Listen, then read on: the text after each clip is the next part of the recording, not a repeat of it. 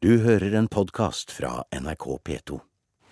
Det er det øverste du ser Det der. øverste der, ja. Ja. Hjelper meg, ja. Det er jo virkelig høyt oppe. Det er jo fjerde etasjekontorene. fjerdeetasjekontorene. 10-12 meter. Vi står og betrakter fasaden til Veiten 3 i Bergen. Andreas. Under krigen skjedde det dramatiske ting i dette bygget. eh, men det- For å unngå å røpe hemmeligheter under brutal tortur, hoppet tre av fangene ut gjennom vinduene i fjerde etasje og rett ned på brostein. Han skal ha tatt fart opp på skrivebordet inne på eh, kontoret der og hoppa. Men blitt holdt igjen, sånn at det fikk ødelagt det momentet, da. Ja. Så Finn Blytt han var jo stuper eh, Ja. profesjonelt, så han, eh, han fikk nok moment. Veiten er en liten gatestump mellom Markeveien og Ole Bulls plass. Her lå Gestapos hovedkvarter under krigen. 800-900 nordmenn gjennomgikk harde avhør i dette bygget. Flere døde. I museum i dag skal vi treffe et som ble torturert, en sønn som mistet sin far her, en nevø av en av dem som hoppet ut av vinduet, og et barnebarn av en fange som utrolig nok overlevde. Cellene og kontoret i Gestapos avhørsavdeling i fjerde etasje er fortsatt intakt. Nå arbeides det for å få etablert museum i disse lokalene. Sekretær i Gestapomuseets forening er museolog og kulturviter Gita Frimannslund Storegjerdet.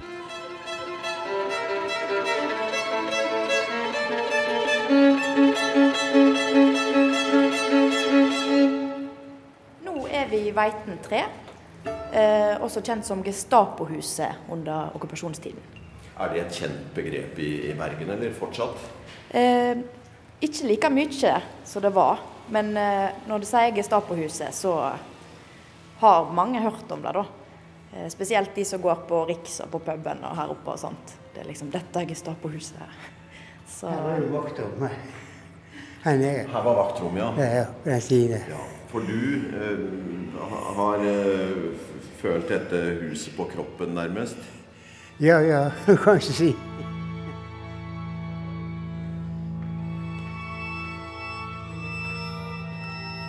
Norvald Bolstad er 95 år gammel, men fortsatt rak i ryggen. Han har gått fra Sandviken til Bergen sentrum for å bidra. Vi skal høre mer til hans historie senere.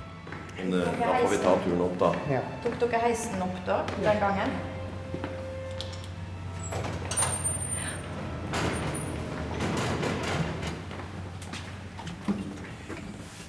To heiser på huset, og det var det den gangen òg.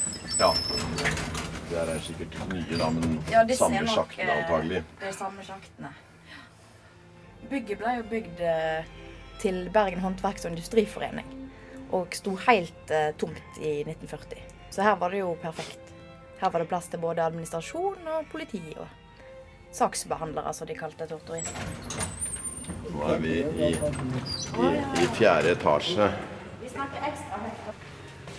Så nå går vi da i fotsporene til eh, der som du har gått før, Norvald. Nå er vi i fjerde etasje. Eh, og her var det Gestapo eh, og SIPO. Altså SIPO, det er altså Sikkerhetspolitiet. Folk ble jo banka opp på disse kontorene. Ja. I tillegg til at det fantes et torturrom i kjelleren. Eh, rett eh, vegg i vegg med en kjeglebane som eh, ble anlagt til offiserene sin fornøyelse. Utenom det rommet som var Der står det bare kontor, to kontordamer, så det står ikke navn på de. Det var ikke så viktig, tydeligvis. Nå kommer vi inn i innerste inne der. Her var det stengt. Når du først kom inn der, der er ingen vinduer, ingenting. Det er fire celler og en heis ned til torturkjelleren og en trapp opp til femte. Og så er det veldig tung dør. Oi. Da ble vi møtt av en rød lampe. Dette rommet, ifølge tegningene, så har det vært eh, mørkerom. Derav den røde lampen. Og her går det da trapp opp til femte etasje. Så blir du henta her, og så rett opp på kontorene til avhør der. Vi kan gå rett inn i Her kommer vi inn i cellegangen. Så her har det sittet en vakt. Oi, så cellene er intakte, ja. Det er dette som er kjernen i museet. Ja.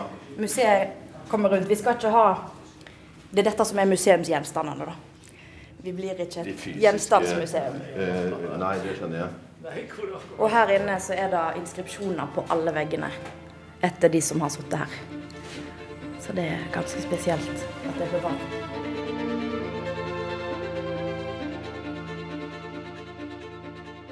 Jeg heter Kjell Vernø, og det var min onkel Andreas, den yngste bror til min far, som eh, var familiens første krigsoffer. Han hev seg ut av vinduet eh, i Gestapohuset for å, unngå å sprekke under tortur. Og da ville et stort apparat bli opprullet. Ja, mitt navn er Terje Olsen. Min far eh, Reidar han døde her på huset under tortur. Hvilken dag var det? Det var lørdag 25. november 1944. Mitt navn er Dag Inge Magnusson. Jeg er barnebarn av eh, Oskar Magnusson, som ble torturert her i Veiten, før han da videre ble sendt til eh, Tyskland i fangenskap. Han gjennomgikk en forferdelig tortur og ble sagt i senere tid at det var utrolig at han helt tatt overlevde. Ja, her, ja. Men han gjorde det. Vi er i Veiten 3, i det som var Gestapos eh, hovedkvarter i Bergen under krigen. Her er cellene intakt, og her ble mange nordmenn avhørt og utsatt for brutal vold. Terje Olsens far Reidar ble et av ofrene.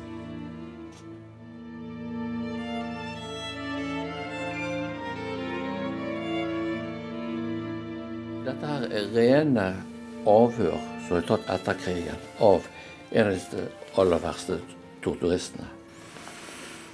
Ja, det, det som skjedde, var at um, den 24. november 1944 så ble nøkkelfolk i organisasjonen Samborg, som far tilhørte, de ble tatt.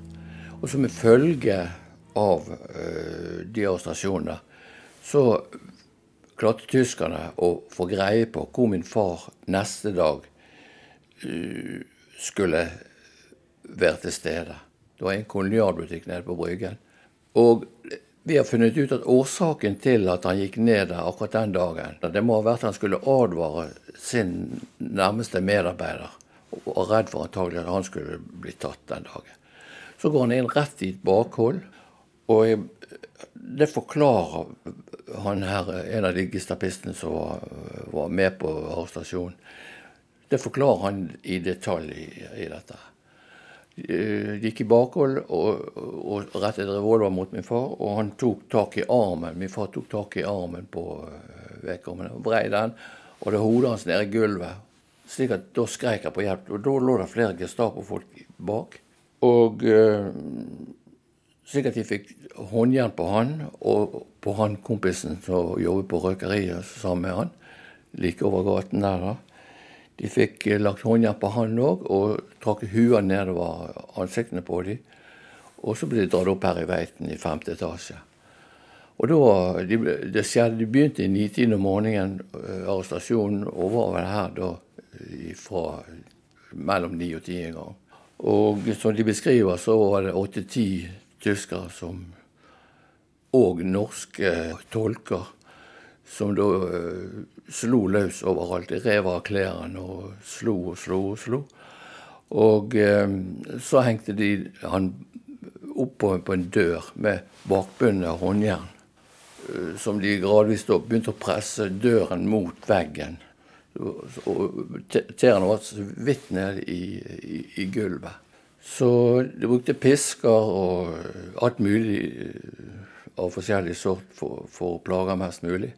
Og eh, så forteller en, en av disse etterforskerne som, som kjente min far, forteller det at de eh, utpå dagen så mistet han bevisstheten gradvis. Den kom og gikk. De forsøkte med vann å få liv i han. Og så fikk de tak i da en tysk militærlege, en som het Byrkner.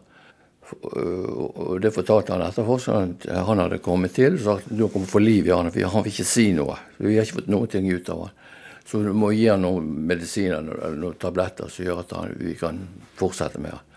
Og da sier han at nei, han kan dere bare glemme, han er ferdig. Og eh, Så om kvelden så tar de han ut i Liker min far ut i, i Tennebekken vest for Bergen. Og hiver han ned i en uh, russisk grav. Det var, russisk, uh, det var vel ca. 100 russiske graver der ute, så de hiver ned der.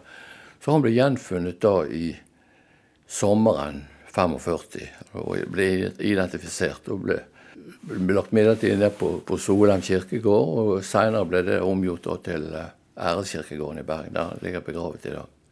Og han var i Saborg, og de drev jo aktiv sabotasje. Min far han likviderte en statspolitimann på trikken i Bergen. Og var med på likvidasjonen av en annen statspolitimann. Det var jo rene demonstrasjoner i sentrum av Bergen. Så det førte jo til, da, som dokumenter som jeg har lagt ved her òg viser, at uh, Leib, som var tysk SS-sjef på Østlandet, ja. at han skrev til minister Risnes at uh, i Bergen så måtte de rydde opp i situasjonen for politipresident Berg i, i, i statspolitiet. Han hadde blitt så redd til å gå ut at han overnattet på kontoret sammen med familien. Han turte ikke å bo hjemme lenger. Men det, det verste av det hele, sier Laib, at 35 statspolitimenn sykemeldte seg.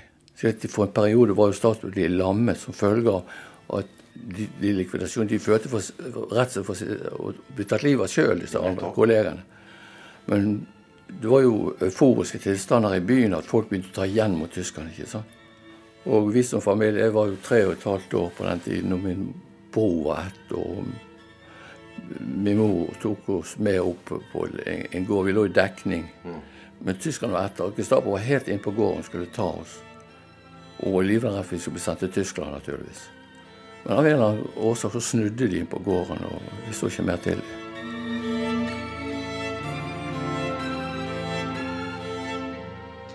Har du noe minne av din far i det hele tatt? Ja, det har jeg. Jeg eh, husker jeg var med han inn på det røkeriet der han gjemte våpenet, bl.a. dette likvidasjonsvåpenet, som var en lyddempet pistol som kom fra SOE via norske agenter til, til Sabog. Og der husker jeg de flislagte gangene inn der. Og satt to gamle karer. De var jo ikke gamle, men for, for meg som treåring ja. så, så, så, de jo gamle ut. Han ene der, det var en, det er han som ble arrestert sammen med min far. Det husker jeg. Jeg husker han uh, satt også på en, en arbeidsbarakk oppe i Rosenkransgaten bak dette røkeriet, nærheten av det røkeriet. Sånne glimt, glimt og måten han skjemmet håret på med to hårbørster og alt dette, det husker jeg. Så, så, så glimtvis, det, det, det gjør jeg.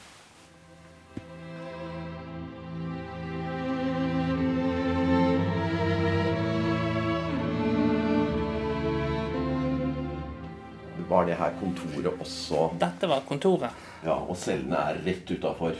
Cellene rett utenfor. utenfor og der eh, Farfar ble jo hentet fra kretsfengselet om morgenen klokken åtte. Plassert inn her. Og så ble han brakt opp i femte etasje for tortur. Eh, noen dager holdt de på fra klokken åtte om morgenen til klokken seks om kvelden. Uavbrutt. Dager han kom opp der, så startet det med lusinger og slag. Eh, hele tiden hva han hadde gjort i forbindelse med Han var jo dette med Englandsfarten. Eh, han sa jo ingenting. Så fortsatte de da med eh, en ring hvor syv gestapister sto og sparket og slo og hev frem og tilbake. Og der sto de og byttet på tortur når de ble slitne. Eh, han ble hengt opp eh, med armene bak på ryggen i taket og slått. Ble hengende i timevis.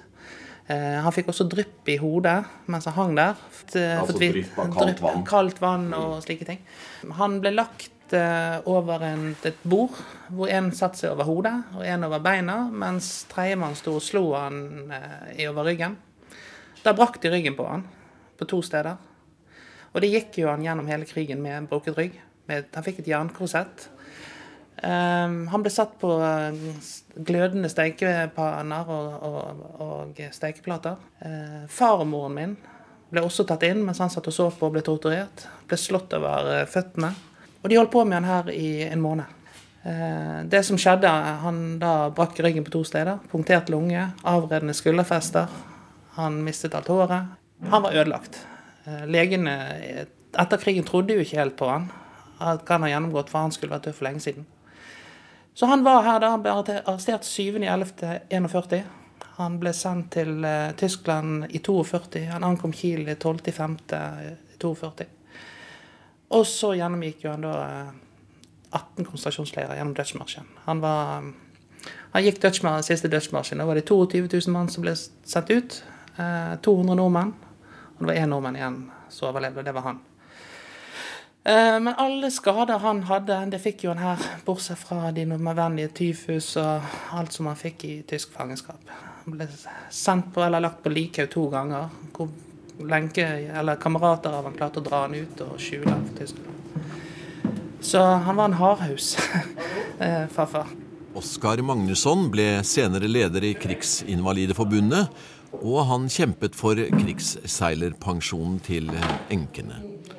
Han ble tildelt Kongens fortjenestemedalje og St. Olavs orden.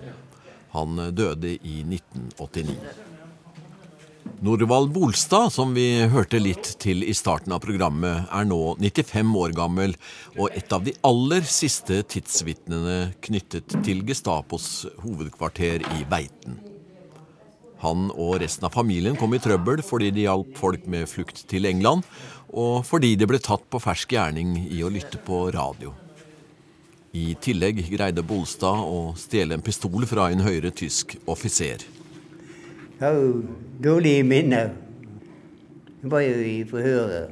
Ja, du var i forhør, ja? Ja, jeg begynte på statspolitiet. Og ja. der, der hovedsaken begynte, og så, og, og så ble vi satt over her på Gestapo. Ja. Og forhør her. Og der eh, begynte vi forhørene. Og da stilte de opp sånn, en sånn søkke fra muren. Og så daljet de løs på, på, på de, de, at de ble dobbet opp. de slo deg litt, rett og slett? Ja, ja så ble ganske kraftig. Altså.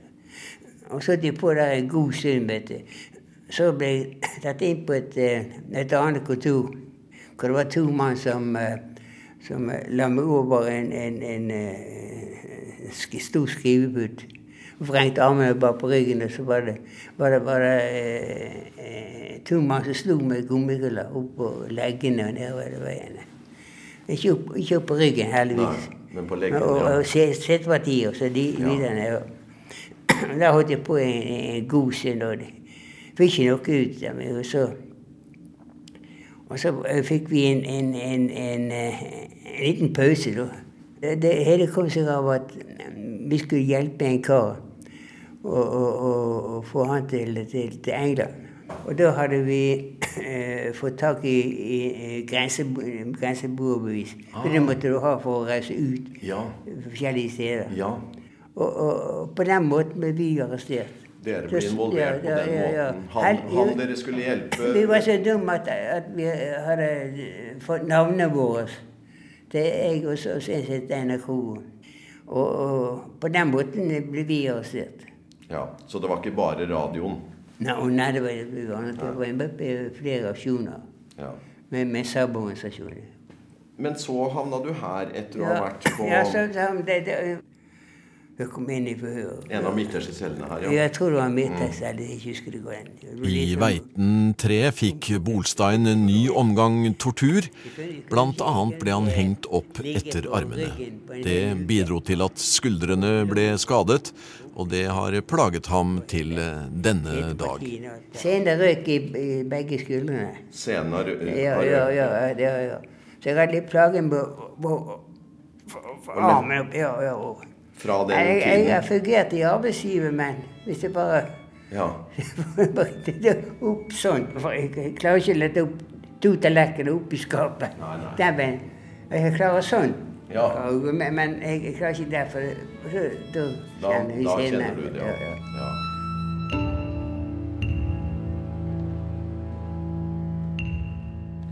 Min eh, onkel eh, Andreas eh, var det første krigsofferet i familien. Det andre var min far, Henning Wernø, som fikk en tysk kule i pannen i Matrefjellene i Sogn 28.4, to dager før Hitler tok sitt eget liv.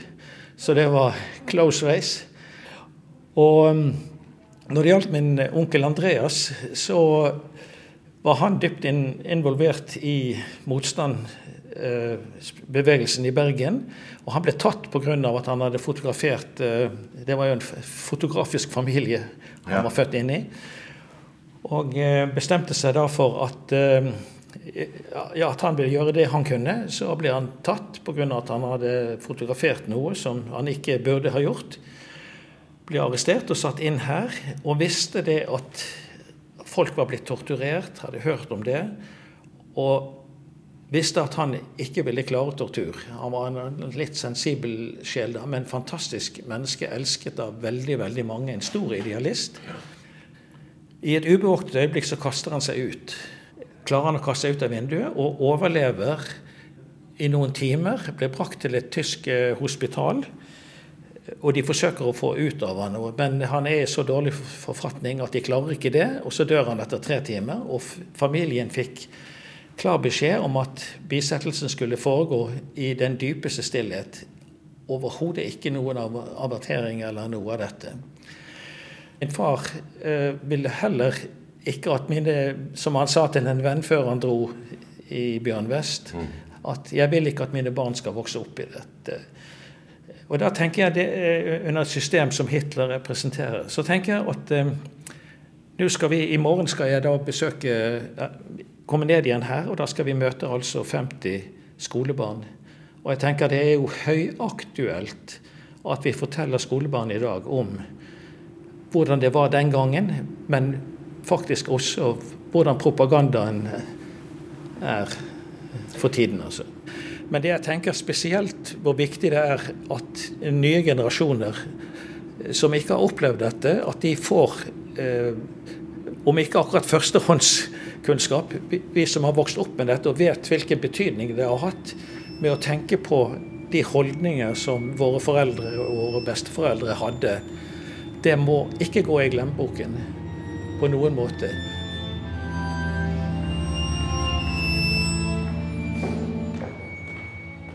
Når er, blir dette et museum da, som dere kan åpne og Ambisjonen er jo å åpne til 80-årsjubileet for okkupasjonen neste år, i april. Eh, Da er det jo 75-årsjubileum for frigjøringen.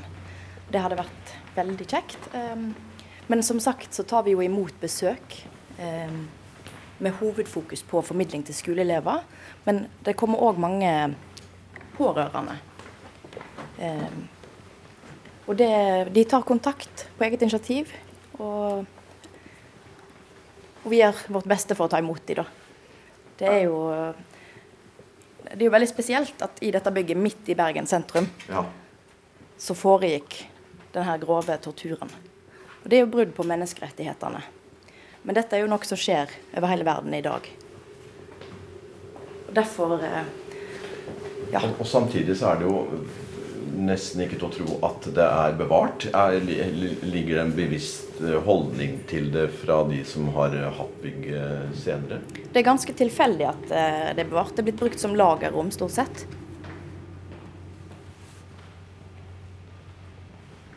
Så det, det som er litt utfordrende, er jo da kapasiteten på lokalet. Det er jo ikke lagt for å ta imot store grupper. Og Det gjør òg noe med opplevelsen. Eh, Det beste er at eh, man får gå én og én i hver celle. Eh, Sånn at vi pleier da å ha foredrag i ett rom, og så ta inn og hente fire av fire skoleelever. Og jeg tror de opplever det ganske sterkt. Det, jeg husker spesielt en skoleklasse vi hadde der det var en jødisk elev som ble veldig eh, prega av besøket. Da. Jeg syns det er viktig å ha noen sånne påminnelser i hverdagen. Skal dere ta heisen ned, så kan vi gå trappene ned. Ja. Så Eh, jeg kom med i eh, foreningen eh, pga. tilknytning eh, til bygget og historien da, gjennom min tippoldemor, eh, som satt fengsla i 89 dager. I kretsfengselet, men også på ventecelle her oppe.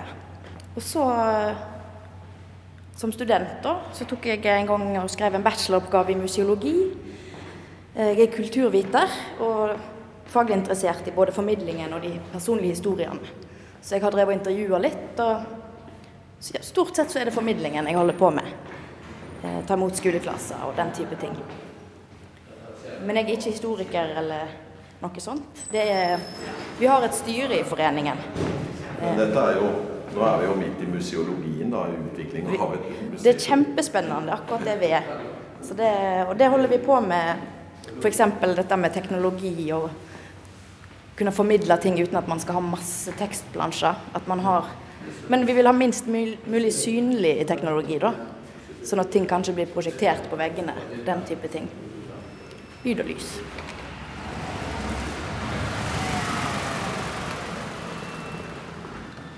Her, utenfor den inngangen der, ja. var det Sarborg og min far, og de skjøt ned Olav Njøten, en av de farlige Stapo, disse her statspolitifolkene. Så sto det folk med flere steder her og, hadde oppdekning. Så skreik han så jævlig, så måtte jeg gi han et skudd til.